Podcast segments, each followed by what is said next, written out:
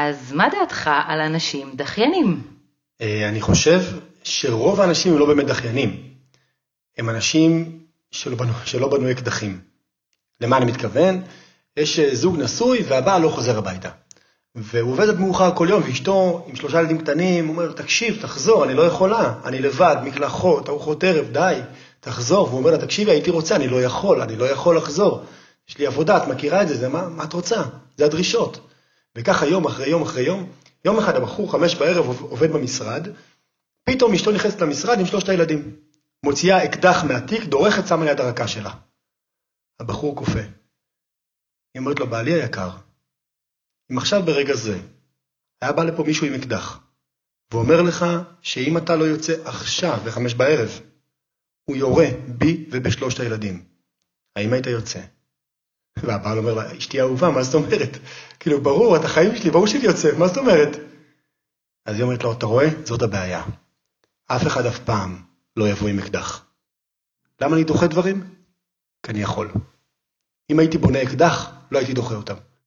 וואו, זה פשוט סיפור מטורף וכל כך ממחיש, ובואו נראה איך בונים את האקדחים האלה. מזמינה אתכם למסע לפיצוח הפרעת הקשב שלכם, בכדי שתוכלו סוף סוף להבין ולקבל כלים להגשמת הפוטנציאל הזה שתמיד מדברים עליו. אני דוקטור שירלי הרשקו, מומחית בהפרעת קשב. אני מרצה וחוקרת באוניברסיטה העברית, מאבחנת ומטפלת, מדריכת הורים ומנחת סדנאות ארגון זמן, סופרת ובעלת טור בעיתון הארץ, מנהלת קהילת אנשי הקשב בפייסבוק וגם מגדלת משפחת קשב. הדבר שהכי חשוב לי הוא להעלות את המודעות להפרעת קשב, ולכן יצרתי את הפודקאסט הזה. ולכל המאזינים אני גם מעניקה 10% על הקורסים שלי. יש פרטים בתיאור הפודקאסט ובאתר שלי. ועכשיו, בואו נצלול לפרק. ברוכים הבאים לפודקאסט של אנשי הקשב, בו נותנים מקום של כבוד להפרעת קשב, ואת כל המידע המדויק והכלים שיכולים לעזור. ואני רוצה לשתף אתכם במשפט השכיח שאני שומעת בכניסה לקורס ארגון זמן שלי, והוא, אין לי בעיה לתכנן את הזמן, אבל יש לי בעיה בביצוע. והרבה פעמים אנשים באים עם ספקות עצומים, באמת, ומספרים לי שהם אלופים בתכנון, יש להם רשימות מעולות, יש להם רעיונות לדברים נהדרים, אבל הם לא מצליחים להוציא את זה לפועל. וזה מאוד מתסכל אותם, וגורם להם לתחושות קשות של אולי אני עצלן, ואולי אני לא מתאמץ מספיק, ואולי פשוט אין לי מוטיבציה, או אולי אני בן אדם בינוני, הכי גרוע. וכל זה ממש לא נכון, ואני יכולה לספר ממש דוגמה אישית משלי. כשאני סיימתי תואר שני ורציתי לעשות דוקטורט, לא הצלחתי להתחיל אותו, לקח לי חמש שנים. ולמה? בגלל שכולם אמרו לי שאני עובדת משרה מלאה, ויש לי בעל בצבא, ויש לי שלוש בנות, ואיפה יהיה לי זמן. והדבר הזה המשיך כזה לקנן בי, ובסוף פשוט החלטתי ליישם על עצמי את שיטת ארגון הזמן שפיתחתי, וכבר העברתי אותה על עשרות אנשים, מאות אנשים, אז התחלתי ממשימות קטנות ומתגמלות, רק לכתוב מייל, רק להיפגש עם מרצה, והמשכתי ליצור כל מיני הרגלים ולשנות את הסביבה ממש לטובת הדבר הזה. משהתאמתי את ארגון הזמן אליי, והדוקטורט באמת הסתיים במהירות שיא, פחות מארבע שנים. ומרוב התלהבות החלטתי במחקר הבא שלי, בפוסט-דוקטורט, לחקור את הנושא הזה של אה, שיטת ארגון הזמן, ושם מצאתי דבר מדהים בעיניי, שהשיטה לארגון זמן, מעבר ליעילות ופרודוקטיביות, היא גורמת לעלייה באיכות החיים. ברמת הסיפוק שלך בחיים, וזה בניגוד למה שאנשים חושבים, שאם הם יתכננו את הזמן הם יהפכו לרובוטים. אז להפך, זה מה שנותן את האפשרות להוריד את הלחץ ולהגיע לדברים שבאמת חשובים. אבל עדיין אני כל יום שומעת חששות, ואני מאוד מאוד יכולה להבין את זה, כי חלק מהקושי בהפרעת קשב זה כל הנושא של התמדה, וקבלת החלטות, ויכולת הנאה עם העין, ולכן החלטתי להזמין אלינו היום את ניב פארן, ולתת כלים ספציפיים ופרקטיים בנושא. אז ניב הוא מומחה ומרצה בינלאומי למנהיגות ולתהליכי הנאה ומוטיבציה. והוא מגיש תוכנית רדיו ופודקאסט אנשי המחר מסתכלים לעתיד בעיניים. הוא גם מייסד ומנהל קבוצת לדעת, ומנהל קבוצת הצמיחה בפייסבוק, אנשי המחר, כלים מעשיים לצמיחה מתמדת. אז איזה כיף ואיזה מזל שבאת אלינו היום, ניב. איזה כיף שהזמנת, ממש. ממש כיף, אתה גם איש קשב, אז בכלל, אנחנו נותנים לך כבוד. והאמת, ניב, שגייסתי אותך, כי רציתי שתעזור לי להפריך סטיגמות שגורמות באמת להרבה שאלות של אנשי קשב, כמו איך לייצר הרגלים, ואיך להשיג מטרות, ואיך להתמיד, ואיך להפסיק ולדחות את המשימות. ואיך אני מגייס מוטיבציה, ואיך אני מוריד את כל הפחד שלי מהכישלון. אז אני ממש אשמח שנדבר על אה, כל הדברים האלה ותיתן לנו אה, עצות אה, פרקטיות ומעשיות ואסטרטגיות כמו שאתה יודע. אני סופר מצפה לפרק הזה. גם אני.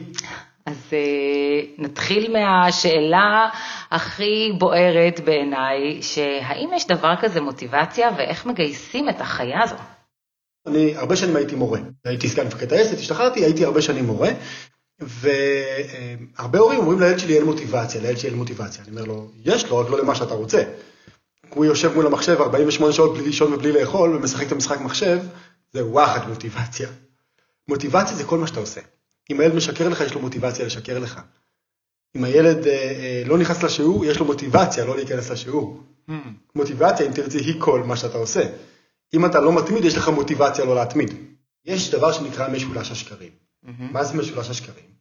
אלה הסיבות הלא נכונות, שקרים, שאנחנו שומעים או מספרים לאנשים על למה אנחנו לא עושים את מה שאנחנו רוצים לעשות. הרי זה בעצם השאלה שלך. Mm-hmm. איך אני ואת וכל אנשי הקשב, וכל אדם בעולם אגב, עושים את מה שאמרנו שנעשה.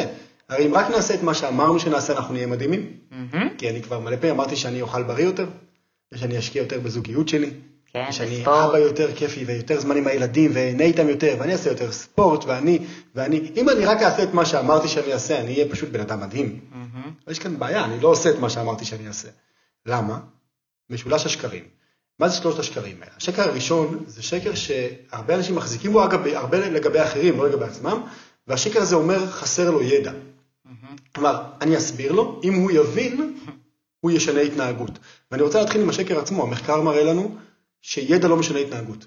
זה נורא חשוב להבין את זה, כי אני ואת, ובכלל המאזינים, אנחנו מאוד אוהבים ידע. Mm-hmm. כאילו, אני קורא ספר בשבוע, אני מאוד מאוד אוהב ידע, ידע לא משנה התנהגות.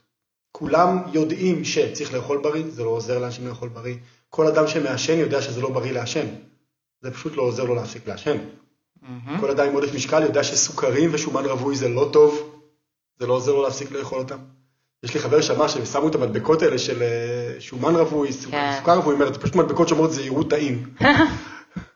בסדר, אז אה, זה לא עוזר לו, זה לא עוזר לו להפסיק לאכול את האוכל הזה. אה, כולנו יודעים. אני תמיד אומר בצחוק שיש זוגות נשואים, אני שואל, שואל אותך או את כל האנשים הנשואים, תגיד, יש התנהגות שהיית רוצה שבעלך ישנה? וכולם אומרים, כן, בטח, מלא. איך הולך עם הפרויקט הזה? כולם צוחקים. כי לא הולך, 20 שנה אני עם אשתי, לא הולך הפרויקט.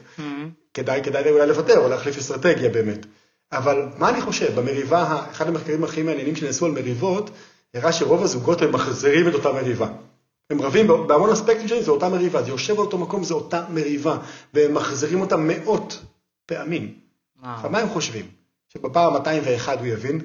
כאילו רבתי איתו 200 פעם, זה לא עזר. עכשיו אני אריב איתו בפעם 201, כי עכשיו הוא הולך להבין ולשנות התנהגות. וואו. זה פשוט מגוחך. נכון. אבל ככה אנחנו כולנו. כולנו רבים את המריבה ה-201 ומניחים שהפעם הוא יבין והוא ישנה התנהגות.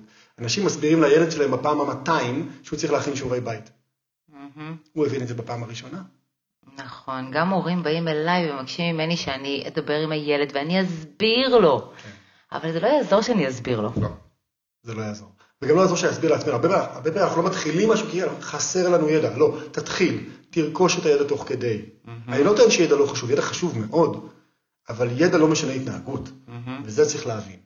כולנו יכולים בהסברת, אנחנו מסבירים יותר מדי, ויותר מדי בטוחים שאם אני רק אדע יותר, אני, לא, זה לא ישנה כלום. כן. תתחיל בשנות את ההתנהגות, הידע יגיע. אוקיי, אז ידע לא עוזר לנו למוטיבציה. שקר שני שהוא שקר נפלא, אני מאוד אוהב אותו, זה הוא לא באמת החליט, היא לא באמת החליטה. או זה לא באמת חשוב לה, או אין לו זמן. זה הכל אותו דבר, אם זה היה חשוב היית נופל הזמן וכן הלאה. יש אנשים שאומרים לי, שמע, הדבר הזה לא משנה, קחי את הדבר הזה, הזוגיות, המשקל, אם אני רק אשנה את זה, זה ישנה לי את החיים. זה הורס את החיים. זה הדבר הכי חשוב לי בפער עצום. הם לא מצליחים לשנות, והמחקר מראה את זה, אין קשר, זה נורא לא אינטואיטיבי. בין כמה משהו חשוב לך, למה הסיכוי שתשני התנהגות. Mm. והמחשבה של, זה לא באמת חשוב לו, אם זה היה מספיק חשוב לו, זה גם פוגע, כי אז מה את מניחה על בעלך? לא אכפת לו ממך. אם היה אכפת לו ממך, אם היית מספיק חשובה לו, הוא היה עושה מה שאת אומרת, הוא היה משנה התנהגות. וואו, כל כך הרבה ריבים, במיוחד אצל אנשי הקשב. נובעים מהעניין הזה. כן, בדיוק, אני כועס על הילד שלי, כי אם זה היה חשוב לו, לא, זה לא קשור בכלל. זה לא, it's not about you. מהמם. אבל it's also not about him באיזשהו מקום. בסדר? זה לא קשור לכמה הדבר חשוב לו, הוא היה מת לשנות את זה. רק כדי שאתה תהיה מאושר, אגב. והוא לא יודע איך. מהמם. אגב, אני תמיד אומר להורים, באיזה התנהגויות אתה איתה? מהמם. כאילו, זה נורא נחמד שאתה דורש מהילד. כמו שאני אומר למנהלים, מנהלים דורשים מהעובדים שישנו התנהגויות. באיזה התנהגויות אתה שינית לאחרונה? מהמם. אה, כלום. וואלה, למה אתה דורש מאחרים? נכון, זה גם, זה שבאמת הוא לא עושה את זה, זה הרבה פעמים מעיד על איזשהו קושי שיש שם. בוודאי. ואז עצם הדרישה רק תגביר את הקושי ולא תעזור, ואנחנו צריכים פה באמת לתת את אנחנו נדבר על זה הכלים. שבדרך כלל רק ייצר את ההפך. לא רק שזה לא יעזור, זה מייצר נכון. את ההפך. כן, את זה ההימנעות. זה- זה- אתה מכניס עוד לחץ ועוד תסכול לתוך סיטואציה שגם ככה היא המון תסכול ולחץ. רק עושה נזק. בסדר, השקר השני, זה לא באמת חשוב לו. והשקר השלישי והכי נפוץ, שאיתו התחלנו את הפודקאסט, אין לו מוטיבציה. מהמם. הוא עצלן, כן. הוא עצלן, אין לו כל מוטיבציה. כל בסדר? יום שומעת את זה. לא, הוא לא עצלן, ויש לו מוטיבציה, זה פשוט לא קשור. אין קשר בין כמה מוטיבציה יש לך למה הסיכוי של לשנה הרגלים. כן, זה, זה נורא חשוב להבין את זה. מהמם. כן, כי לאנשים יש מלא מוטיבציה לאכול בריא ומלא מוטיבציה לעשות ספורט. נכון. וזה לא עוזר להם, ואז באמת הפרשנות שלהם זה להלקות את עצמם, ואני לא בסדר, ואני עצלן, וזה באמת נורא חשוב להדגיש את העניין הזה, שזה באמת לא עניין של מוטיבציה, או של כוח רצון, או של ידע, מודעות, כולנו יודעים מה בריא לאכול, כולנו יודעים שכדאי לאכול סלט כל יום בצהריים, ועדיין למי יש כוח להכין סלט בצהריים, שזה בדרך כלל בסוף מה שמונע מאיתנו לאכול את הסלט. כן, ועדיין שומן זה טעים, או כל דבר אחר. זאת אומרת, אנשים יש להם הרגלים ויש דברים שטעימים להם, ולשנות כי הם יודעים זה פשוט לא עובד ככה. ממש בול. ומה שיפה שאנחנו יודעים היום, יש המון מחקר בנושא, אנחנו יודעים שיש דברים אחרים שהם לא משולש השקרים, מהמם. שהשקרים עובדים. אז מה עובד? אז אני רוצה להתחיל בדבר שאני מאוד מאוד אוהב אותו, אני אה, קורא לו משפיכים. מהמם. מה זה משפיכים? אם היינו רואים שני ילדים עם הפרעות קשב, כן. שופכים אה, מים מכלי גדול לתוך בקבוק עם פיה צרה, וילד הראשון באמת כל המים נשפכים פנימה, אף טיפה לא נשפכת החוצה, והילד השני, אפס, הכל נשפך החוצה והוא לא מצליח לקלוע בכלל. מהמם. ויכולנו באמת לחשוב על הילד השני, שהוא איזה, מה זה, מה זה הטמבלול הזה, כאילו, זה חוסר קואורדינציה, כאילו, מה קורה כאן? הילד הראשון, בואנה, איזה מוטוריקה עדינה, איזה תיאום העין יד, מדהים. אלא אם כן הייתי יודע שלילד הראשון היה משפך, מהמם. ולשני לא היה משפך. וזה מה שאנחנו רואים במחקר, זאת אומרת, לילד שהצליח לשפוך את המים, לא יש משפך. בדיוק. הילד שדייק, הוא לא דייק, הוא יותר מדויק מהשני, הוא פשוט היה לו משפך. מהמם. היה לו מנגנון, אני אסביר מה הכוונה במשפך, הרי זה, זה מטאפורה. היה לו מנגנון שגרם לתוצאה הרצויה לקרות בלי צורך במאמץ. זה הכוונה במשפך. עכשיו, אחד הדברים המעניינים, איך בוחנים אה, אה, את הדבר הזה, לוקחים אנשים שמנסים לעשות אותו דבר, דרך מחקרים ממש מעניינים שנעשו. מהמם. למשל, בדקו אנשים שניסו אה, אה, גמילה מעישון. בסדר? המיעוט הצליח להיגמל והרוב לא הצליחו להיגמל. אגב, ברוב הגמילות הם מדברים הטובות, סביב 13% הצלחה. וואו. כן, לא, לא משהו לספר לאימא. לא. והאם ל-13% האלה שהצליחו להיגמל יש יותר כוח רצון בממוצע מל-87% שלא הצליחו? כנראה שלא. לא. לא מוצאים את זה. חיפשו, לא מוצאים. אנשים הולכים לאותו סוג, אלפי אנשים הולכים לאותו סוג דיאטה. הרוב כמובן לא מצליחים לרזות ולהישאר רזים. המיעוט כן מצליח. אגב, איפה זה עומד שם, את יודעת? 8%. מהמם. הדיאטות הגדולות, 14 הדיאטות הגדולות, הממוצע שלהן זה 8% הצלחה, לאורך זמן. זה כלום. בסדר? זה ממש מגוחך. אז, אה, אז העניין באמת שאין ל-8% האלה בממוצע יותר כוח רצון מל-92% האחרים. מהמם. מה מצאו שיש להם? משפך. זה מה שמצאו שיש להם. גם לנגמלים מעישון, גם למרזים, גם בעוד מקום מבדקים מאוד מעניינים שנעשו על ספורט, למצליחנים יש משפכים. מדהים. עכשיו בואו נדבר על איזה משפכים, מה זה בכלל חשיבה משפכית? אני קורא לזה כסגנון חשיבה. אני יכולה לספר לך רגע לפני. דוגמה של משפך שלי בדיוק בעניין הזה, שזו הסיבה שגם עשיתי את הדוקטורט שלי, שראיתי שהבן זוג שלי מגיע הביתה והוא אה, רואה את החומוס והפיתות במקרר, והוא פשוט מחסל אותם. ולא משנה מה אני הכנתי, מה בישלתי, הוא רואה את הפיתות עם החומוס וטורף אותם. ויום אחד בטעות החומוס התחבא במקרר, והוא לא ראה אותו, והוא אכל משהו אחר, הוא אפילו לא שם לב לזה. ובימים הבאים התחלתי כזה ניסוי משל עצמי, והחבאתי בכוונה את החומוס, ממש מאחורי כל הסירים, ואני קולטת שהוא לא אוכל יותר את החומוס, ומכאן ממש נולד לי כל הרעיון של הדוקטורט, של, וגם באמת חיפשתי תשובה ללמה אנשי הקשב אוכלים לא בריא ולא מצליחים לשנות את זה, ודי כבר עם כל החפירות ומה בריא ותפריטים, זה לא עובד, זה באמת העניין הזה שלה לעשות, אני הייתי המשפך שלו, פשוט שיניתי לו את הסביבה. הסביבה, בדיוק. ועזרתי לו. אחד המחקרים הכי יפים שעשינו, אפרופו דוקטורט, אה, עם שותפי הנפלא דוקטור גוטרמן, עשינו מחקר על מצוינות אקדמית. Mm-hmm. מה. הדבר מספר אחד שמייצר מצוינות- אקדמית? וואי, זה מחקר מדהים, תספר לנו. והדבר מספר אחד, בדקנו כמובן ציוני אה, פסיכומטרי ו-IQ והרבה מאוד אה, שאלוני אישיות וכן הלאה. הדבר מספר אחד, ניהול הסביבה. מדהים. ניהול הסביבה, איפה, עם מי ומתי את לומדת. בוא, בוא נדבר על זה שנייה, איפה? בוא תלמדי במקום שהכי טוב לך. רוב הסטודנטים, 70% מהסטודנטים, את רוב הזמן לומדים בבית. היא צריכה לכתוב תזה, דוקטורט, סמינר, אוקיי, יושבת בספרייה כמה שעות, אבל את רוב השעות היא יושבת בבית.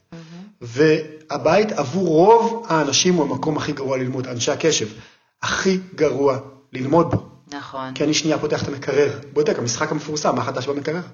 בסדר? ואני שנייה סוגר אותו, ואני שנייה פותח את יוטיוב ורואה את 50 ההטבעות הגדולות של ג'ורדן, ומשם הוא מציע לי גם לראות את הכדרורים הגדולים של מסי ואת השערים הגדולים של רונלדיניו.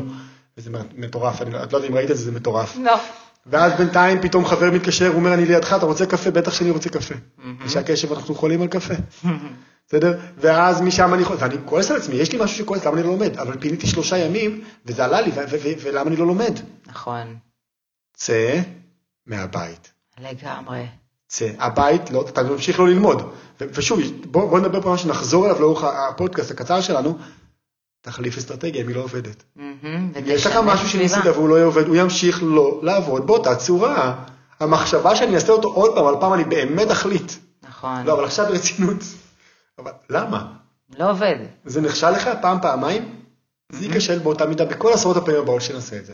תמצא איפה טוב לך ללמוד. יכול להיות שאתה טוב לך ללמוד על חוף הים, או בבית קפה, או יש לי חבר שעשה חמישה דברים בהצטיינות יתרה במכונית. אשכרה ישב במכונית. מדהים. עם מכונית סגורה, מעולה, אם זה עובד לו. עם מזגן, הוא אמר לי, מכונית מונעת, 50 שקל ליום, זה מה שזה עולה. גדול. שים את המזגן עם- קערת פירות, אפרופו שהוא הביא חתוכים. עם לפטופ, עובד יום שלם. שיו, מדהים. שני דוקטורטים, by the way, בהצטיינות יתרה. עכשיו, זה משפך. אתה יודע, ת- איפה, עם מי, יכול להיות שאני עכשיו יושב איתך, שירלי, ויש לנו התאבכות בונה. יש לנו משהו במפגש בינינו מייצר ריכוז גבוה. מעולה, אני לומד איתך. ויכול להיות שאני אדם שלבד לא לומד. אחלה, אל תלמד לבד. נכון. או שיש אדם אחר שמלמד אותו, יש משהו, התאבכות הורסת. דווקא משהו, ב, ב, ב, הוא- אני מת עליו, הוא מת עליי, אבל משהו, ב, עושים צחוקים וזה לא לומדים. אל תלמד איתו. תלמד עם האנשים שזה עובד לך. בסדר? שיש לך תקשורת כזאת שמייצרת למידה איתם. בסדר? ומתי? יש לכולנו שעון צירקדי. יש לך שעון ביולוגי. יש לך שעות ביום שאת יותר מרוכזת, אולי זה באמצע הלילה. אנשי הקשר, לדעתי, אם ראיתי מחקר פעם, אמצע הלילה מעולה לנו. חד משמעית. טוב, שקע, כל שקט, יש שקט קוגניטיבי. נכון. וגם פה הם מלקים את עצמם, למה לא קם בשם המונה בבוקר? למה צריך לקום לא, בשמונה בבוקר? לפנות בוקר, שמונה. כן. אז, אז, אז אין סיבה, תלמד, תכוון את עצמך במקום שאתה רוצה, עם האנשים שאתה רוצה, בשעות שאתה רוצה, תעשה דוקטורט בהצטיינות יתרה. וואו. אבל בלי זה, אתה תיכשל ואתה תכעס על עצמך ותלכי, ואתה לא מבין למה אני לא... יותר חשוב מה ה-IQ שלך, יותר חשוב מכל דבר אחר. נא, לגמרי. זה דוגמה למשפך. מדהים. אני אתן דוגמה נוספת, בסדר? כמו שאת אמרת, סתם דוגמה הכי הכי פשוטה, בסדר? תרומת איברים אחרי המוות. נורא, נורא מפורסם, בסדר? דן אריאלי מדבר על זה הרבה, זה מחקר מאוד מפורסם. בדקו אה, באירופה אה, איזה מדינות תורמות ולפי איזה אחוזים ממי שמבקשים ממנו, בסדר? כלומר, זה לא מכלל האוכלוסייה, זה מתוך מי שמבקשים ממנו. בחלק מהמדינות זה אחוזים זעומים, סביב 10% ומטה, אומרים כן כשמבקשים מהם, ובחלק מהמדינות זה סביב 100%. סביב 100% אומרים כן כשמבקשים מהם. וואו. וניסו לבדוק למה, זה לא סתם מחקר, המחקר הזה מאפיין הצלת חיי אדם. בסדר, המדינות האלה שזה סביב 100% מצילות אלפי חיי אדם בשנה, בשנה שהאחרות לא מצילות. מטורף. זה חשוב. מהמם. מה הן עושות? אז בואו נחזור למשולש השקרים. האם הם הוסיפו ידע, הסבירו לאנשים, או טיפלו בחשיבות. כמה זה חשוב, חיי אדם, אז העולם ומלואו, תצילי חיים. מהמם. אולי טיפלו במוטיבציה. בואי, אם את עכשיו תורמת איברים, אנחנו ניתן לך יתרון ביטוחי. ניתן לך אה, ניתוחים בחצי מחיר. ניתן לך עוד אחוזים לפנסיה, לא משנה. מה הם עשו? שום דבר מזה. מה הם עשו? אופטין אופט-אאוט. כשאת נגיד, בוא ניקח את גרמניה ושוודיה, גרמניה זה 12 אחוז תורמים, אה, מי שמבקשים, ואוסטריה זה אה, כמעט 100 אחוז, 99 אחוז. יואו. מה האוסטרים עשו ומה הגרמנים עשו? כשאת מגיעה לניתוח בגרמניה, מקריאים לך חובת הקראה, גברתי, חס ושלום, אם משהו קורה ומשתבש, ואם תרצי לתרום את איברייך אחרי מותך, סמני פה וי. מגיעה לאותו ניתוח באוסטריה.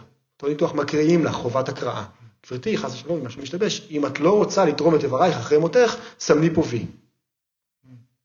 אף אחד לא מסמן וי. וואו. האוסטרים תורמים, הגרמנים לא. ההבדל ביניהם זה מילה אחת לא. אהה. זה ההבדל. מדהים, מדהים. עכשיו שימי לב, המילה הזאת לא משנה אלפי חיי אדם בשנה. ממש. אגב, איפה ישראל, את יודעת? ישראל אנחנו בעשרה אחוז. אה, כי מכל מיני סיבות דתיות ואחרות, כאילו, יש, עם זה בעייתיות. אמ, אבל כאילו, כאילו, יכולנו גם אנחנו, הפתרון נורא פשוט. וזה אחד הדברים שצריך לזכור, אנחנו כאנשי הקשב ובכלל. מהמם. אנחנו רוצים סימטריה, המוח שלנו רוצה סימטריה בין מורכבות הבעיה למורכבות הפתרון. מהמם. לכן הרבה מאוד אנשים לפעמים, אגב, אה, אה, רוצים ללכת לפסיכולוגים, כשאתה יושב על ספה וחופר בחייך, ו, וכמה אתה מורכב ומוציא וזה, אבל בסוף אתה בודק, אחרי חצי שנה, מצבו יותר רע ממה שהוא היה קודם. נכון. הוא כבר חצי שנה על ספת הפסיכולוג, אבל מצבו יותר גרוע ממה שהוא התחיל. הוא רק חפר בבעיות שלו, אנחנו נדבר על זה גם אחר כך למה זה קורה, אבל, אבל הוא שמח, הוא מרגיש, הנה, הנה מישהו שרואה כמה אני מורכב. מהמם. לפעמים לבעיות מורכבות מאוד, יש פתרונות פשוטים מאוד. ממש. אנחנו לא רוצים לשמוע את זה. נכון. זה לא בא לנו, מה, אני כזה פשוט? לא, אתה מורכב, אבל הפתרון פשוט. נכון. לאנשים יש קושי לחשוב, מה, אני כזה פשוט? מה, אני כזה? כן, אתה יודע, הרבה אנשים עלוב. באים אליי ואומרים לי, לא, אני כבר אה, עברתי טיפול פסיכולוגי ואני הבנתי שאני סובל מפחד מכישלון, אני מפחד מההצלחה. טוב, אוקיי, איך הגעת לתמונה המורכבת הזו? יש לך הפרעת קשב, יש לך יכולת הנאה, קשה לך להתחיל דברים, בואו ניתן לך כמה אסטרטגיות אה, של שינוי טוב, סביבה ו... ו- וזה יעבוד. כן, כן, לא חייב להיות הסבר באמת אה, כל כך נכון. מורכב, אבל אה, זה ממש כמו שאתה אומר, לפעמים אנשים רוצים את נכון. ההסבר המורכב, אבל זה לא עוזר להם.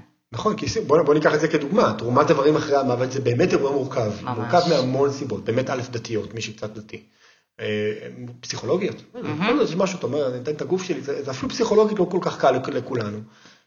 הפתרון של זה זה מילה אחת עם שתי אותיות נו. כן, זה הפתרון וזה פותר את הכל. אני כל כך אוהבת את זה. בסדר? אני אז זה המון. דברים בחיים, ניתן דוגמה עם ילדים קטנים, בסדר, יש לך, אה, יש לי חבר עם אה, ילדים קטנים שהורסים את הבית. אה, אמר, אוקיי, אני לוקח 5,000 שקל, הוא שינה את כל הבית. אה, כלומר, יש כל השולחן זכוכית שהיה עף, שולחן פלסטיק חמוד עגול שאי אפשר ליפול ממנו או ליפול עליו, יש, אה, שם שטיח כזה יחסית רך, את כל הדברים השבירים העיף, אין, מג... אין, אין גישה אליהם. הוא אומר, זה מטורף, אין יותר הערות בבית. לפני זה, אל תשבור את זה, אל תיגע בזה, אל תטפס לשם. הוא אומר, זהו, אין יותר. וואו. אין יותר, זה היה לי 5,000 שקל. הוא אומר, אני לא רוצה להיות אדם שמעיר לילדים שלו בהפסקה, לא? מי, מי רוצה להיות הבן אדם הזה? אבל אני כן לא רוצה שהוא ישבור את האגרטל היקר, אני לא רוצה שהוא ייפול מהפינה של השולחן, אני לא רוצה. וואו. זה שיניתי את זה, נכון. רק אווירה טובה בבית. זה מזכיר לי גם סיפור של הורים שהיו אצלי, עוד פעם בהקשר של התזונה דווקא, כי זה באמת נושא שתמיד מתקשר להרגלים ולכוח רצון, והם סיפרו לי שהם אה, השאירו אה, עוגת ביסקוויטים במקרר והלכו לעבודה וחזרו, והילדה חיסלה את כל העוגה. עכשיו מפה דברים כמו איזה לא אכפת איתי, למה זה היא לא... מחמאה לעוגה. אז הם לא ראו את זה ככה, הם גם דאגו לזה, לנושא ההשמנה והלא בריא, וגם איך היא לא השאירה לנו, זה לא מתחשב מזה, אמרתי להם, זה לא קשור כל הדברים האלה, אתם השארתם עוגת ביסקוויטים במקרר, במדף האמצעי, מה רציתם שהיא תעשה כשהיא רואה את זה? הייתם מוציאים את העוגה, לוקחים אותה איתכם לעבודה, או זורקים אותה, לא משנה, לא, לא, לא משאירים את זה ככה אה, כמו, כמו שמנת לחתול. לגמרי. אז זה בול העניין הזה של באמת לשנות את הסביבה, להתאים אותה, לתת את המשפך הזה ש, שעוזר לנו ל- להגיע למקומות שאנחנו רוצים, וזה לא אומר שאנחנו חלשים, זה אומר בסך הכל שאנחנו בני אדם, נכון? כי המוח שלנו, הוא עובד על תגמולים, תספר לנו קצת על זה. אוקיי, אז בוא נדבר, המוח שלנו מאוד פשוט בעבודה על תגמולים, בסדר? מה זה אומר? המערכת מערכת התגמול של המוח, כך היא נקראת. היא מאוד מאוד מאוד פשוטה. כשמשהו כיף לך, את תמשיכי. כשמשהו לא כיף לך, את תפסיקי. עד כדי כך פשוט. אתה יודע, עכשיו אני אתן כמה דוגמאות, אבל רק, רק בשביל להסביר את זה עוד טיפה לעומק, אני לא צריך שאפילו הדבר עצמו יהיה כיף, אני יכול שהתגמול המיידי אליו יהיה כיף, אני גם לא צריך שהדבר עצמו יהיה לא כיף, מספיק שהתגמול המיידי אליו הוא לא כיף. כלומר, אלה האופציות שלי כאדם שרוצה לשנות התנהגויות. Mm-hmm. או להפוך את הדבר עצמו לכיף, או את התגמול המיידי, אם אני רוצה לייצר הרגל, אם אני רוצה להפחית הרגל, שזה לא פחות חשוב. Mm-hmm. לפעמים אנחנו רוצים, כמו, כמו אוכל, אני רוצה להפחית הרגל מסוים, או שתהפוך אותו ללא כיף, או אם זה קשה, כי קשה להפוך נגיד סוכר ללא טעים, Mm-hmm. אז תהפוך את התגמול המיידי אליו ללא כיף. עכשיו בואו ניתן כמה דוגמאות מאוד פשוטות, סתם דוגמה, עבדתי עם מפעל בצפון, אה, 1,200 עובדים, כל המפעל עישן כמו קטרים. באמת, אמרה לי המנהלת HR, היא אמרה לי, תקשיב, מה עושים? אני הבאתי להם הרצאות, הרצאות על חשבוני, כלום לא עוזר, ידע לא משנה התנהגות, נכון. Mm-hmm. אז זה לא, שום לא עוזר, היא אמרה, מה עושים? אמרתי, איפה היו פינות העישון? הם היו במרכז המפעל, המפעל הוא כמו חטא כזה, במרכז המפעל, עם כורסאות ושמשייה. אשכרה הזמנה, בואי לעשן, עזבי אותך עבודה. תענוג. כן, בואי, איזה כיף פה. אמרתי לה, בואי נעיף את כל פינות העישון לקצה המפעל, בלי כורסאות, בלי שמשייה. כלומר, אתה רוצה לעשן בכיף, באהבה גדולה. אתה צריך ללכת 100 מטר בשמש או בגשם, לעמוד כי אין כורסה, בשמש כי אין שמשייה, מהמם, לעשן, לחזור. מהמם. אם היית לא מאמין, רוב האנשים הפסיקו לעשן בזמן העבודה. זה מערכת הגמול של האורך, הפכנו את האירוע ללא כיפי. הפסיקו. שוב, משולש השקרים, לא הסברנו כמה זה חשוב, כמה זה אישון מזיק, לא טיפלנו במוטיבציה. בנינו משפך, כלומר שינו את הסביבה, אבל זה עובד במערכת הגמול, בנינו משפך שגורם לאירוע להיות לא כיפי. וואו. הם הפסיקו לעשן. מדהים. עכשיו, אותו דבר אנחנו רואים, אה, בסדר, יש משפט שאני מאוד מאוד אוהב על מערכת הגמול, שהוא נקרא מה שמואר צומח. זה אחד המשפטים האהובים עליי ביותר, אני מאוד מאוד אוהב אותו. מה שמואר צומח. כלומר, כשאת מאירה משהו באלף או בעין, את תקבלי עוד מהדבר הזה. זה, אם אני מסביר לעצמי, דיברנו על כעס, נדבר על זה עוד שנייה, למה אני לא בסדר, אני אקבל עוד מהדבר הזה, סתם שני מחקרים נחמדים על זה. אה, בדקו אנשים שעושים דיאטה, כי דיברת על אוכל, ונפלו, כאילו, טחנו חצי עוגה. מהמם. ובדקו איך הם מגיבים לזה. שאלו אותם, מה, מה השיחה הפנימית שהם ניהלו? אצל חלקם את השיחה מאוד אגרסיבית, מאוד אלימה, איזה אפס אני, מה הבעיה שלי, כאילו מה, איך אני מתנהג ככה, מה לא אכפת, כאילו, כאלה. וחלקם השיחה הייתה הרבה יותר סלחנית. כלומר, לא נורא, קורה לכולם, חדש, מחר אני לא אוכל את זה, די. אבל באמת קורה, נופלים כולם, לא נורא. מהמם. מה הסיכוי של כל אחד מהם ליפול שוב בדיאטה, ב, אה, לא זוכר אם בדקו יומיים או שלושה, בימים הקרובים. מהמם. אלה שהלקו את עצמם פי שלוש יותר. וואו, איש. אלה שהלקו את עצמם, שהיו אגרסיביים מעצמם, הסיכוי שהם יחזרו על התיעוד גדל פי שלוש. יואו. למה? מה שמואר צומח. אם אני מסביר לעצמי איפה אני לא בסדר, אני אהיה עוד מה לא בסדר הזה. יש הרבה אנשים שמכורים להלקאה עצמית. זה נכון. ממש התמכרות אגב, כמו כל התמכרות נכון. אחרת. ו- אבל למה מכורים לזה? כי הם גם משכנעים את עצמם שאם אני מספיק קשה עם עצמי, אני אצור חוסר נעימות מול עצמי, אני לא אחזור על ההתנהגות הרעה. אתה יודע, זה. לא, לא רק אנשים, זה גם הורים. יש את כל אה, גישת העונשים נגיד. אם אני אחנך את הילד, אם אני אתן לו עונש על מה שהוא עושה, אז הוא יתנהג יותר טוב, שזה די אבסורד. אם אני עושה משהו רע לילד שלי, אז למה שיצא מזה משהו טוב? לעומת זאת, אם אני אחזק את הילד שלי על דברים טובים שהוא עושה, אז זה מה שאחר כך יגרום לו, לו לעשות אותם עוד ועוד. וההורים מתקשים עם העניין הזה, ואומרים לי, אבל, אבל כמה? כמה אני צריך לחזק אותו? ואני אומרת להם, כמה שיותר, תחזקו יותר, יתחזק יותר, יעשה יותר אה, דברים זה, טובים. זה בדיוק מה שמואר צומח. אם אני מסביר לילד שלי איפה הוא לא בסדר, ברוב המקרים, שוב זה לא 100%, שוב, זה לא- ילדים לא נוסחאות, אבל זה ברוב המקרים ייצר לי עוד מה לא בסדר, ושוב אני חוזר לדוגמה שהבאנו בהתחלה עם, ה, עם הזוגיות. בסדר, אם אני מסביר לאשתי איפה היא לא בסדר, כבר 17 שנה, וזה לא משתנה, obviously זה לא עובד, מהמם. נכון? זה לא עובד, אז מה, להסביר לה עוד 17 שנה, מה התוכנית? כאילו, לאן אני חותר? לגמרי. אם אתה רב עם הילד שלך על שיעורי הבית, מהמם. כבר 200 פעם, בוא. ממש. המריבה 201 לא תביא שינוי, היא רק מייצרת חיכוך לא נעים מול הילד. נכון. ורצון של הילד להתרחק ממך ולא להיות במחיצתך ולא לספר לך מה קורה ומה הוא חושב ומה הוא מרגיש, מה אתה עושה. נכון, שבאמת ההורים תמיד כועסים על הילדים שהם משקרים להם, שאין להם שיעורים, אבל מה, איזה ברירה יש זוכר להם? שהכל זה מוטיבציה? אם הילד שלך משקר, יש לו מוטיבציה לשקר לך. נכון. אכפת לך להחליף לו את המוטיבציה? אם אתה בעיקר נוזף בו, אני תמיד אומר לחשוב על בתים, בכלל, אני אומר, תחשבי על הבית שלך או על שלי, כמו יצירה מוזיקלית. כל מילה, מחמאה, צחוק, חיבוק, מגע, אהבה, שמחה, חיוך, זה הכל תווים. כל ביקורת זה תו, כל כעס זה תו, כל ציניות זה תו, כל אכזבה זה תו, כל צעקה זה תו. איזה מוזיקה מנגן הבית שלך? אם הייתי מאזין לו, מאזין למוזיקה שלו מבחוץ, איזה מוזיקה הוא מנגן? וואי, יש לי צמרמורת. מה הסיפור של הילדים שלנו כשהם יגדלו, של שנינו, יב- יבנו בתים משל עצמם, הם ישכפלו שם את המוזיקה אצלנו. נכון. והילדים שלנו הם באמת לא רק ל-12 שנים שהם בבית ספר והרבה פעמים נאחס להם שם, במיוחד לילדי הקשב, מה לעשות, אלא הם שלנו ל-50, 60, 70 שנה. והמערכת יחסים שם הרבה יותר חשובה מהשיעורי בית שהם גיהנום לילדי הקשב. ולמי אכפת משיעורי בית? זה הדבר מטורף, אני אומר את זה כאדם שעשר שנים היה מורה בתיכון, למי אכפת משיעורי בית? לגמרי, זה... שיסתדר מול המורה שלו, נכון. כי מה זה משנה? זה בכלל נראה לי לפודקאסט אחר על אה, מערכת החינוך, איך שהיא עובדת ולמה צריך שלוש שעות לעשות שיעורי בית בבית, אבל אני רוצה להדגיש את זה, כי ילדי הקשב לא מסוגלים לשבת חצי שעה שעה על שיעורי נכון. בית, אין להם את וגם אני הקשב. אגיד שזה לא שאני עכשיו חושב ש... אני אגיד כמה דברים. אחד, אני לא, זה לא שאני נגד גבולות, צריך גבולות. מהמם, בסדר, אני רוצה לעשות ילד מקלל את אבא, זה בסדר גמור להציב שם גבול. מהמם. נכון? וזה זה נכון חינוכית, ילדים בגבולות זה גם לא בריא. כלומר, זה לא שאני חייב נגד כל סוג ענישה שהוא. אבל גבולות. על הדברים החשובים. בדיוק. אתה צריך שיהיה לך גבולות מאוד ברורים על דברים חשובים. לא על כל שטות. ממש. כי אחרת המוזיקה שמתנגנת היא מוזיקה לא נעימה, ומי רוצה? נכון. למה שלך משקר? למה שלך לא מספר לך דברים? חינכת אותו לא לספר לך דברים, מה אתה רוצה? הוא חכם, הוא למד למי כדאי לספר ולמי לא. זה באמת מתחבר לי גם לעוד גישה של הורים שחושבים שצריך לחסן את הילד ולחשל אותו, ואם יהיה לו קשה, אז הוא אה, ילמד להתגבר, וגם זה טעות, כי בעצם כשקשה לילד, א', הוא חווה קשיים, ואז הדימוי העצמי יורד, כי דימוי עצמי הרי מתפתח מהצלחות. וב', אם משימה היא קשה, הוא ינסה להימנע ממנה. לעומת זאת, אם עוזרים לו, בונים לו את המשפך הזה, הוא יצליח. אני מסכים. אני כן רוצה אבל לחדד פה שאני לא נגד קשיים לילדים, כשזה קושי שהילד בוחר.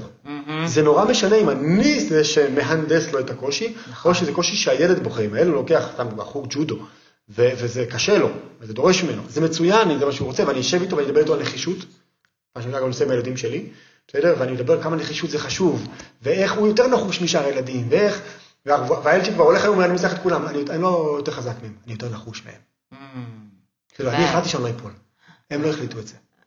עכשיו, לא משנה, אז יודע, לא, קושי הוא לא דבר רע, אני, אני כן חושב שקושי הוא דבר חיובי אם הילד בחר בו. מהמם. ושוב. אנשים, אני תמיד אומר, אנשים לא משנים את מה שהם לא רוצים לשנות. מספיק קשה ומספיק ראוי לעזור להם לשנות את מה שהם רוצים לשנות. ו- ואני רוצה לחזור שוב לרגע, באמת, לדבר הזה של מה שמואר צומח, אני אספר לך סיפור מדהים, על אה, מכר שלי, בסדר, איש יקר. והוא אומר לי יום אחד, ניב, אשתי צועקת על הילדים. אמרתי, מה זאת אומרת? לא, אשתי ממש אחת לשבוע מתפוצצת על הילדים, כאילו, לפעמים מקללת אפילו. ואני אומר לה, תקשיבי, מה זה? אנחנו לא מתנהגים ככה, מה זה? ואמרתי לו, כמה פעמים זה קרה? הוא אומר לי, עזוב, עשרות אולי, מאות פעמים. אמרתי לו, מתי תבין שאתה הבעיה? מה זאת אומרת? מתי תבין שאתה הבעיה? הרי בוא, בוא, שנייה, אם זה בסדר, שסליחי על הגסות, אבל שתצא מהתחת של עצמך. ושנייה, שנייה, תחשוב על אשתך, הרי אתה היית עצבני פעם? אמר לי, כן. מישהו אמר לך, תירגע. זה סייע?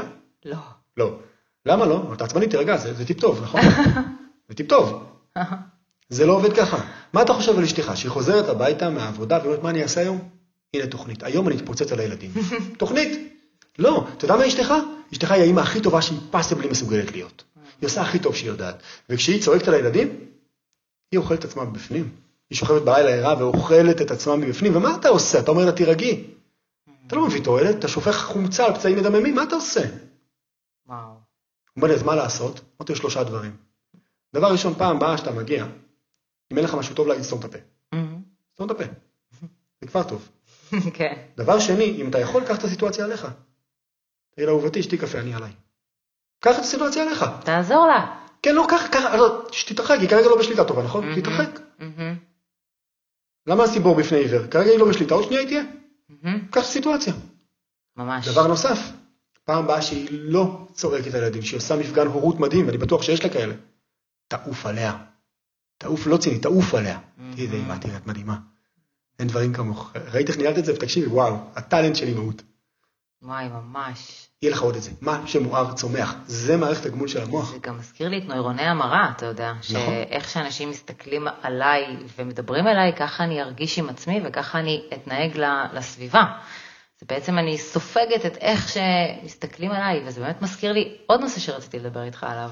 על באמת כל העניין הזה של הרצייה החברתית, אה. ואיך האנשים שאנחנו נמצאים בסביבתם משפיעים עלינו. זה מטורף בעיניי. נכון.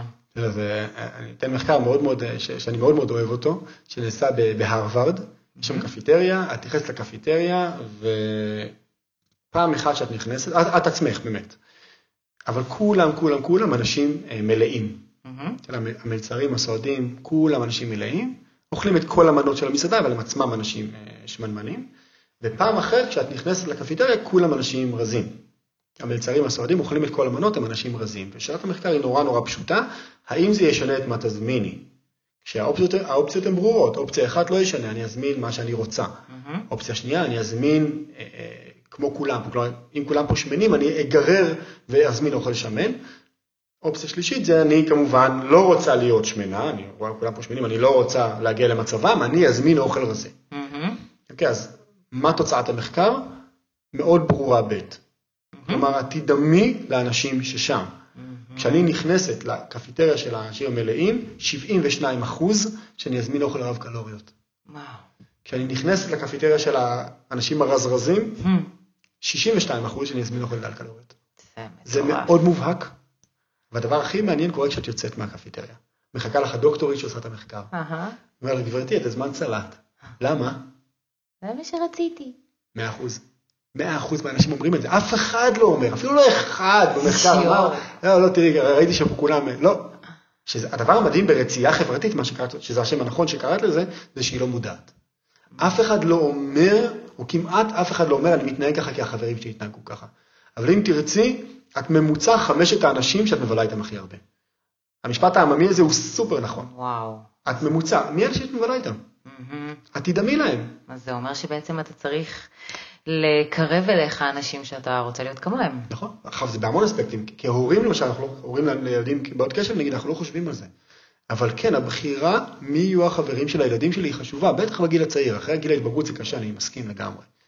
כאילו, כולל הילד כבר באמת, בהמון אספקטים, כאילו, אפילו אם תרצה הוא ירצה הפוך. שגם זה תלוי במערכת היחסים שבנית מולו. אבל אני אומר, בטח בגיל הצעיר, גיל חמש, שש, שבע, שמונה, אני, אני בוחר להם את החברים. אני בוחר את הפליידייטים, אני בוחר מי יבוא אליי ומי יבוא, לאן הוא יבוא, מי יישן אצלי אצלי, מי הוא יישן.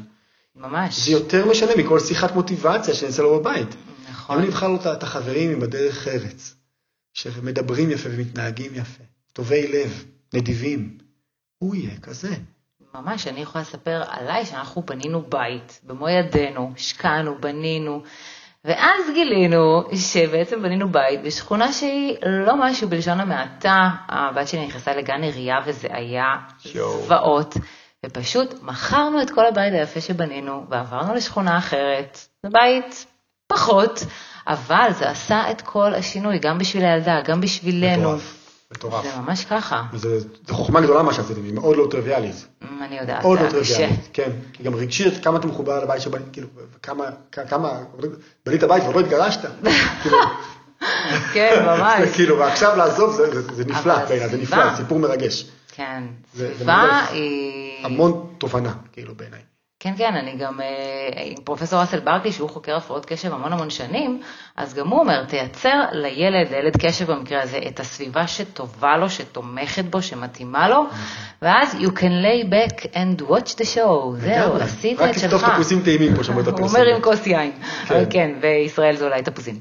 לא, אבל זה, זה בדיוק העניין, הסביבה של הילדים שלו היא קריטית. נכון, וגם של המבוגרים. נכון.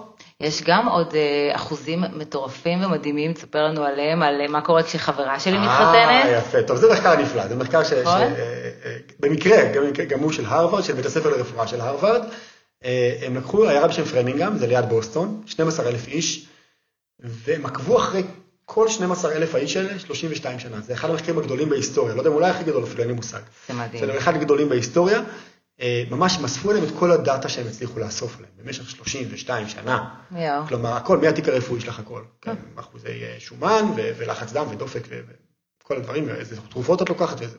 אבל גם מצב אישי, נשואה, גרושה, כמה ילדים, איזה תארים יש לך, במה את עובדת, כמה כסף יש לך, איזה תחביבים יש לך, עושה ספורט, מעשנת. יואו. כל מה שהם הצליחו לאסוף עליך 32 שנה. וואי, זה מעניין. אוקיינוסים של דאטה, והם עשו, התחילו לחפש, התחילו להריץ את הנתונים ולחפש?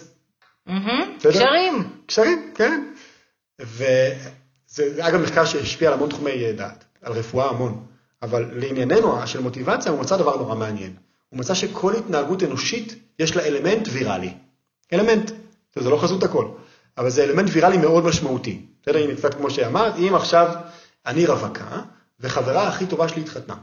סיכוייי להתחתן השנה עלו ב-300 אחוז. 300.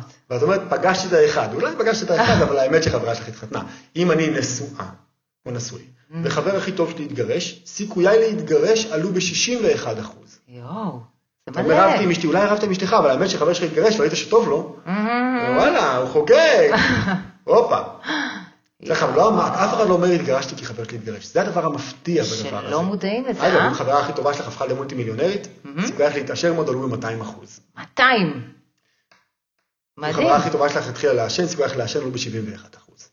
יואו, אבל אף אחד לא אומר ישנתי, כאילו, אז ניסיתי ישיר כי חבר שלי התעשר. ממש לא מודעים לזה. נכון, אתה לא מודע לזה. אבל צריך לדעת. אני תמיד אומר, ואני מאוד אוהב את זה, אפשר לחשוב שתי, מחשבות שבעיניי מאוד עוזרות. אחד, המחשבה הוויראלית.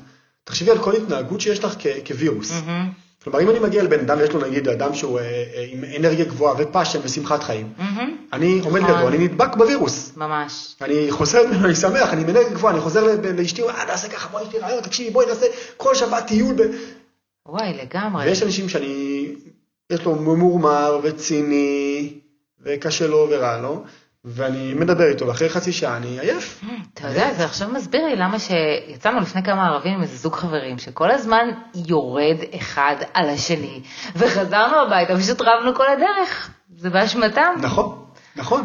כי, כי המוח שלנו הוא לא לומד מה לא. קל היה לחשוב, אני לומד מה לא. אני רואה את זה, אני רואה את הזוג הזה שמלכלך הרבה, אני מרגיש טוב עם עצמי שאני לא גרוע כמוהם, אני אלמד מהם מה לא. וואי. לא, אתה נדבק בווירוס. את עומדת לאדם עם קורונה, את לא לומדת ממנו מה לא. את יכולה להידבק ממש פשוט. באחוז מסוים. ומה קורה עם אנשים שאתה כן רואה שהם ההפך, נגיד הם ההפך מההורים שלהם? שוב, לכן זה, זה אירוע סטטיסטי, אוקיי? אה, אין מה לעשות. Mm. ב- זה הרוב. בעיקרו זה אירוע סטטיסטי כמו כל דבר אחר. מהמם. אה, כמו שאני אומר, האנשים, רוב האנשים לא יגידו מעכשיו זה יעבוד להם, יש אנשים שכן יגידו מעכשיו זה יעבוד כן, להם, ברור. נכון, נכון. אבל אם כבר אמרת כמה פעמים מעכשיו וזה לא עבד, כדאי שתחליף אסטרטגיה. לגמרי. אם אמרת וזה עבד, תמשיך, הכל טוב. אגב, גם אחד הדברים היפים במחקר, שלכל אחד מאיתנו יש חולשות בדבר, אין, אין לנו אחידות, אנחנו לא איזשהו בלון עגול. בסדר, אני מכיר אדם, נניח, שכמו, הנה אגב, חבר שלי שסיפרתי עליו, שגם יש לו הפרעות קשב, by the way, אבל הוא עשה שני דוקטורטים בהצטיינות יתרה. הוא מדהים, הוא תותח, הוא כתב רבי מכר, הוא באמת עילוי, אבל הוא שמן. מהמם. הוא ניסה כל מיני, לא לא הצליח. עכשיו, מה הבעיה עם כוח, הוא, הוא אגב, כן. עם זה שהוא שמן, הוא עשה מרתונים, והוא עשה, יש לו. כוח רצון מטורף, ממש. לא בתחום הזה. הוא רואה חפיסת שוקולד, הוא גומר אותה באותו רגע. אז מה קורה שם? מה שאני רוצה להגיד, אבל אה. בגדול בכלל, לפני מה קורה שם, אנחנו שוב מנסים לחשוב על בני אדם כאיזשהו משהו אחיד. נכון. לא. נכון. אתה יכול להיות חזק באלף בית ג' ובד' אתה חלש, אין. ממש. אתה יכול להיות איש ברזל עם כוח רצון של אה, אה, לביאה, אבל דווקא בשני שעות משהו קטן בזוגיות שלך לא מצליחה. כן. הכל בסדר, זה נכון. בני אדם. נכון, נכון. ואתה רוצה להיות סלחני עם עצמנו. זה באמת חשוב להדגיש שאנחנו מדברים פה על סיכויים גדולים, על איך להגדיל את הסיכויים, על סטטיסטיקות.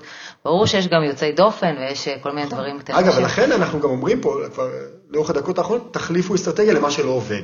ממש. ניסית משהו? אגב, כל מי שיש שלושה ילדים יודע. ניסית משהו עם הילד הראשון, עבד מדהים. עם השני נכשל. כאילו, עד. שלמדת. כן. ואז ממש. אותו דבר עם עצמך, אותו דבר בחיים. אתה מנסה משהו, עובד לך יופי, מדהים. לא עבד, תחליף אסטרטגיה. היא גם גם לא עובדת, תחליפו לאסטרטגיה. ואני גם ממש בעד, כשאתה מחפש אסטרטגיה אחרת, אז לא רק לחפור בתוך עצמך, כמו שאנחנו אומרים, לשנות את הסביבה, וגם לקחת עזרה.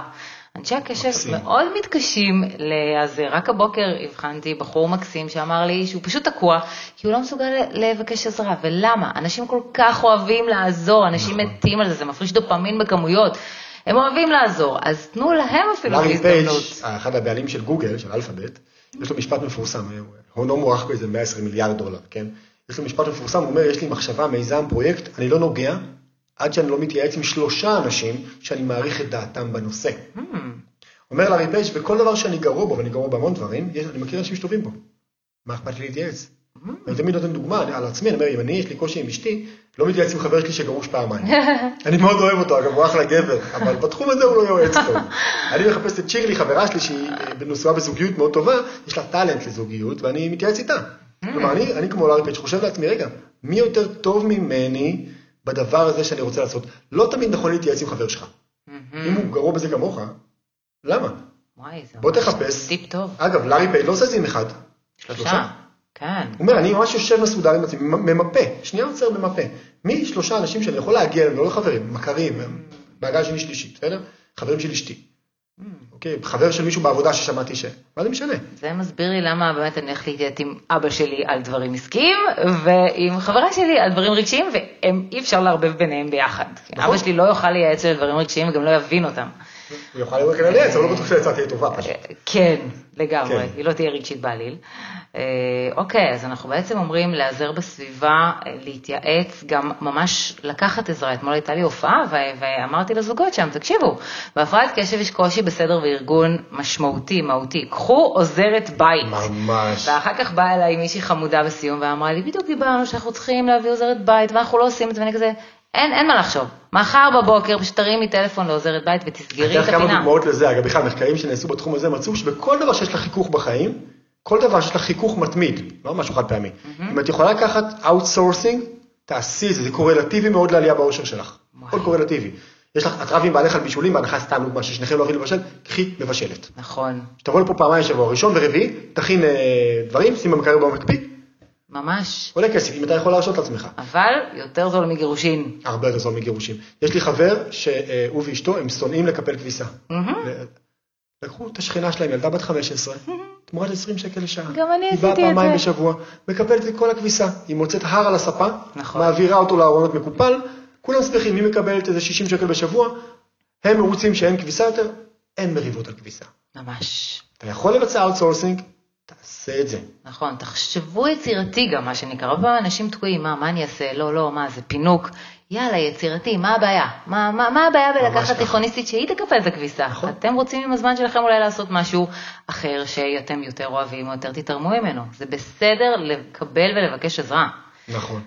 והדבר האחרון שאני רוצה אולי לדבר עליו, או תכווני אותי כמובן גם את, זה רגע, דניאל פינק, יש לו מודל מאוד יפה שנקרא G, מודל growth and involvement, הוא מדבר על כמה אספקטים של מוטיבציה פנימית, כאילו עד עכשיו דיברנו גם הרבה, ובצדק, אני חושב שזה יותר משמעותי, על מוטיבציה חיצונית. תבחר את האנשים שתדמה להם, בסדר, רצייה חברתית, תעבוד נכון עם מערכת הגמול של המוח, תגמל את עצמך נכון, אתה יודע, מה שמוח צומח, את עצמך או את האחרים. אגב, יש לי מחקר על זה מעניין, אחרי זה אספר אותו אולי. בסדר, תעבוד נכון אה, באמת אה, עם משפכים, תבנה את הסביבה בצורה. זה עובד מדהים וזה הכי פשוט. אבל יש גם דברים פנימיים שעובדים. ו autonomy, הוא קורא לזה autonomy mastery purpose. אני רוצה לדבר שנייה רגע על mastery. מה זה mastery? זה הצורך שלי ושלך להשתפר לכיוון מטרה שאנחנו רוצים להשיג אותה. עכשיו, מסתבר שגם בתחום הזה, כמו בהמון תחומים אחרים, וזה נורא חשוב להגיד, בטח לאנשי הקשב, הכמות יותר חשובה מהאיכות. בסדר? ה- לפעמים המחשבה שלי, אוקיי, אני אתחיל, סתם ניתן ספורט כי זו דוגמה קלה, אבל גם תזונה, כל דבר. בסדר, אני אתחיל לעשות ספורט, אני עכשיו, הנה, השבוע אני נרשם שלוש פעמים לחדר כושר, אני אלך לשעה, ואז אתה הולך פעם אחת לשעה, נתפסים לך כל השרירים, כואב לך, אתה לא הולך לפעם השנייה, אתה הולך לפעם השנייה, אתה כבר לא הולך יותר וגמרת. כן. מה אחוזי ההגעה לחדר כושר, את יודעת? בטח אפסיים. עשרה אחוז. אה, כלומר, כשבדקו כמה אנשים שנרשמו לחדר כושר מתמידים אחרי ארבעה חודשים, התשובה היא עשרה אחוז, מסתבר, בדקתי, זה המודל העסקי של חדרי הכושר. אם יתמידו 15 אחוז הם גמורים. אה. הם צריכים שיתמידו 10 אחוז. אה, אחרת יהיה יותר מדי אנשים, יהיה מפוצץ ולא נעים שם. בסדר? ואם ואם ה-90 לא יירשמו, הם יפשטו רגל. אשכרה בונים על זה שה-10 אחוז מהנרשמים יבואו לאורך זמן. אה, שזה דבר נהדר, תחשבי רגע על נפש האדם. ממש. בסדר? אבל מה שאני רוצה להגיד בתחום הזה, בסדר? שאל תלך לחדר כושר עכשיו שלוש פעמים בשבוע לשעה. בוא תעשה ספורט שלוש דקות. שלוש פעמים בשבוע. שלוש דקות, לא צריך ללכת בבגדים שלך עכשיו. צא מהעבודה, תעשה, אה, תעלה את. המדרגות הלוך חזור. אתה תרוץ סביב הבניין שלך בבית, או עם הילדים, רוץ עם הילדים הלוך חזור, תעשה. תחרות עם הילדים הקטנים שלך, תרוץ, תעשה הקפה של הבניין שלוש פעמים, תעלה. אתה אפילו לא תזיע יותר מדי. לא צריך להחליף בגדים. זאת אומרת, משהו שהוא ריאלי, שהוא ישים, שהוא שהוא נגיש. קל, שהוא נגיש, שהוא פשוט, מהמם. אתה יכול להתמיד בו. מה שיקרה, ואנחנו רואים את זה, רצה שלוש דקות. שלוש דקות. שלוש דקות באמת, ליטרלי, לא לא הגזמה, שלוש דקות. אחרי חודשיים אתה כבר תרוצי עשר, תגידי, מה, יצאתי כבר, אחרי אתה כבר תחליפי בגדים. כן, כי זה ההתחלה ייבנה שקשה. המבנה הנוירולוגי, זה בסוף אפיקים נוירולוגיים. ייבנה אפיק נוירולוגי של לצאת לעשות ספורט. אתה רוצה לעשות, אחרי, פתאום תירשמי כבר לחצי מרתון תל אביב בתוך שנה. אבל אם הייתי אומר לפני שנה, תראה, מה- אתה רוצה? מה חצי מרתון עכשיו? אחד הדברים היפים במחקר של הרווארד נקרא עקרון ההתקדמות. מה זה עקרון ההתקדמות? כמו שדיברנו על מוטיבציה. בסדר, אומרים אין לי מוטיבציה. מסתבר שמוטיבציה במחקר היא בהמון מקרים תוצאה ולא סיבה. אנחנו חושבים כסיבה, לא עשיתי כי אין לי מוטיבציה. לא, לא עשית כי לא בנית מוטיבציה. מוטיבציה היא התוצאה. ולא הסיבה. כלומר, התחלת לרוץ שלוש דקות שהוא בדוגמה שנתנו, פתאום אחרי חודש יש לך מוטיבציה, "אה, אני, אני ארוץ רבע שעה, זה מגניב, אני ארוץ רבע שעה. פתאום אתה מתחיל לדבר עם חברים שלך, אני רוצה, כן, לא, אני רץ, אני רץ. כאילו, לא, אני יוצא, מה, אני אחליף, אני, איזה בגדים קנית? מה, אני גם אקנה. כאילו, פתאום אתה מוצא שאתה עוסק בספורט, אתה פתאום חושב, אתה אומר, מה, אה, אתה ב night run? אחי, אתה חייב, וואלה, רצייה חברתית, כן, פתאום התחלת לדבר עם אנשים שעושים ספורט, פתאום אתה, זאת אומרת, היא מגיעה. פתאום אתה מוצא שאתה דלוק מה night run. אבל למה? נבנתה לך מוטיבציה. כמו שאתה אמרת עם הדוקטורט, אתה מתחיל לעשות פעולות פשוטות. כן, פתאום את דלוקה על הדוקטורט. מה שחמש שנים לא היית דלוקה עליו בכלל. נכון. בסדר, אבל את צריכה לעשות פעולות, ופתאום זה קרה מובילים, פתאום וואלה, אני עושה את זה. אני, אני, המוטיבציה הלכה ונבנתה לך לאורך המהלך. ועוד דבר שמעניין להגיד, אז, אז קודם כל בכלל אני אומר לאנשי הקשב, תמיד פעולות קטנות, אבל להתמיד בהן. זה הרבה יותר חשוב מפעולה גדולה. בסדר, ערב רומנטי מטורף שארגנתי עם אשתי, עם אה, אה, אה, מלא הפתעות ושיר שמחכה לה מתחת למושב עם אה, חמש נרות בצורת, אה. אחלה, נחמד מאוד, לא חשוב אם הוא חד פעמי. אהה. אם. אני עושה עם אשתי ערב רומנטי פעם בשבוע, הכי פשוט בעולם. נכון. ערב רומנטי פעם בשבוע כבר 17 שנה. גם אני. זה מאוד משנה את הזוגיות. ממש. ה- ה- צריך לזכור את זה בכלל, אגב, אומר סיימון סיניק מאוד יפה, הוא אומר, ה-accumulation, ההצטברות היא הרבה יותר חשובה מהאירוע. מצחצחת שיניים, מהמם. אין לזה משמעות. בואי תצחצחי חודש, שלוש פעמים ביום, אין לזה שום משמעות. נכון, אתה יודע, תצחצחי 20 שנה פעמיים ביום, זה משנה מאוד את בריאות השיניים שלך.